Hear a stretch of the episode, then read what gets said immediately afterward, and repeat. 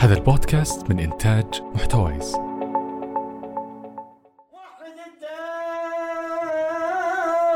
الدايم سبح بحمد الله.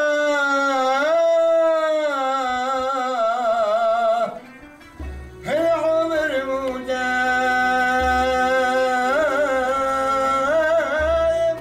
اصحى نايم أهلا. هل هلال رمضان والشوارع تزينت بالفوانيس؟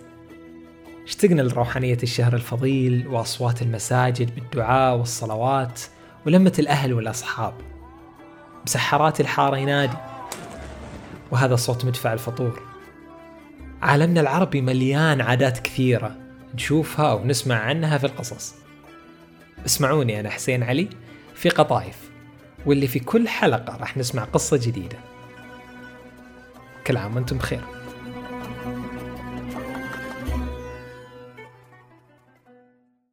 نايم وحد الدايم اصحى يا نايم اصحى. بعض المناطق بيجيها مسحراتي و- وأنا بالذات أنا بصحاش اللي عليه. أنا بفيق على صلاة الصبح بصلي وهو بيجي قبل. أجمل إشي لما تسمع الإبداع في التهليل ويا نايم وحد الدايم من هالحكي إشي راقي جدا. سحرات هذه عندهم فرحة يعني هذه كل سنة مرة بتيجي يعني بشهر رمضان الفضيل.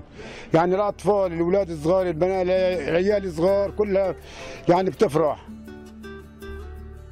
اصحى يا نايم وحد الدايم وقول نويت إن بكرة حييت الشهر صايم والفجر قايم. ورمضان كريم. نداء يتجدد مع دق الطبول في كل عام من شهر رمضان والكل حي له مسحراتي يمتلك موهبة خاصة فيه ومميزة للحي. يعني إنه يكون صوته حلو مثلا يعرف يشعر وينشد لما ينادي للتسحير. وأهم شيء إن الناس يثقون فيه وسمعته بالحي كويسة. المسحراتي جذبت الكثير من الشعراء والفنانين وبعضهم أخذوها كفن أكثر من كونها مهنة. المهنة اللي حبيناها والمحفورة على جدار ذكرياتنا واللي يعشقونها الأطفال قبل الكبار. خلونا نحكي قصص عن هالشخصية العجيبة.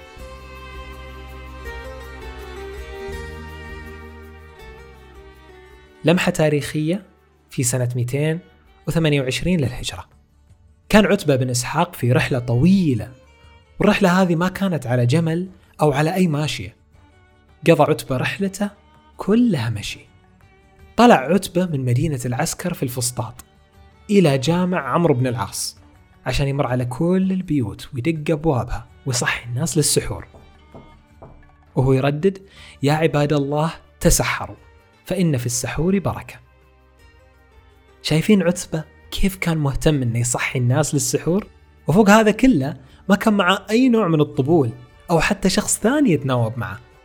لكن عتبة هو قرر بنفسه إنه يكون أول واحد يستخدم هالمهنة العجيبة وكان مبسوط ومقتنع إن اللي جالس يسويه بيفيد الناس وبينبههم.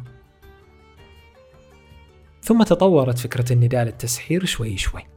وحسب ما ذكر ابن جبير في رحلته بالعصر الأيوبي إنه كان ينادي وهو واقف فوق المسجد ومعاه فوانيس مربوطة بحبل لأن النداء ما كان يكفي ويمكن أهل مكة ما يصحيهم صوت ابن جبير؟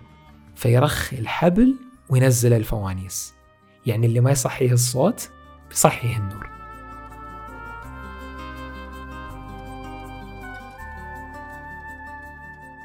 طيب خلوني أقول لكم وش كانوا يسوون النساء من الطبقة المتوسطة في مصر؟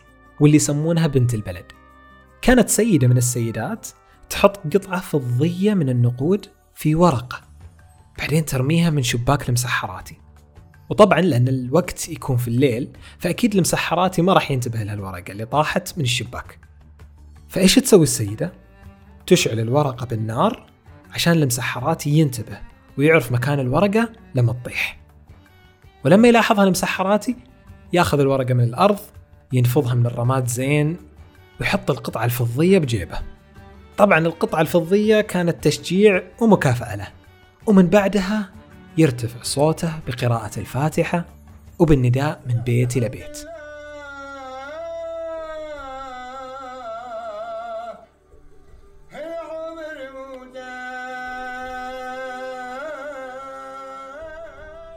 الناس في رمضان كل شيء تقبله وتعتقد أن كثرة العطاء والمساعدة بالشهر فيها بركة وتضاعف الأجر.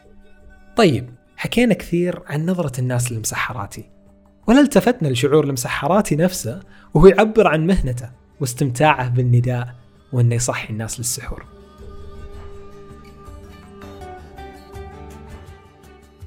المسحراتي أبو حيدر اللي يسكن في مملكة مبنية من الطين والقصب. وسنة من السنين جاء رمضان وكان بالنسبة له غير عن أي رمضان فات لأنه لاحظ تغير قوي بمعيشته ودخله. طبعا لاحظ هالشيء بعد ما خاض التجربة بأنه يجازف بصوته وبجهده في كل ليلة بدون طبل ولا مزمار.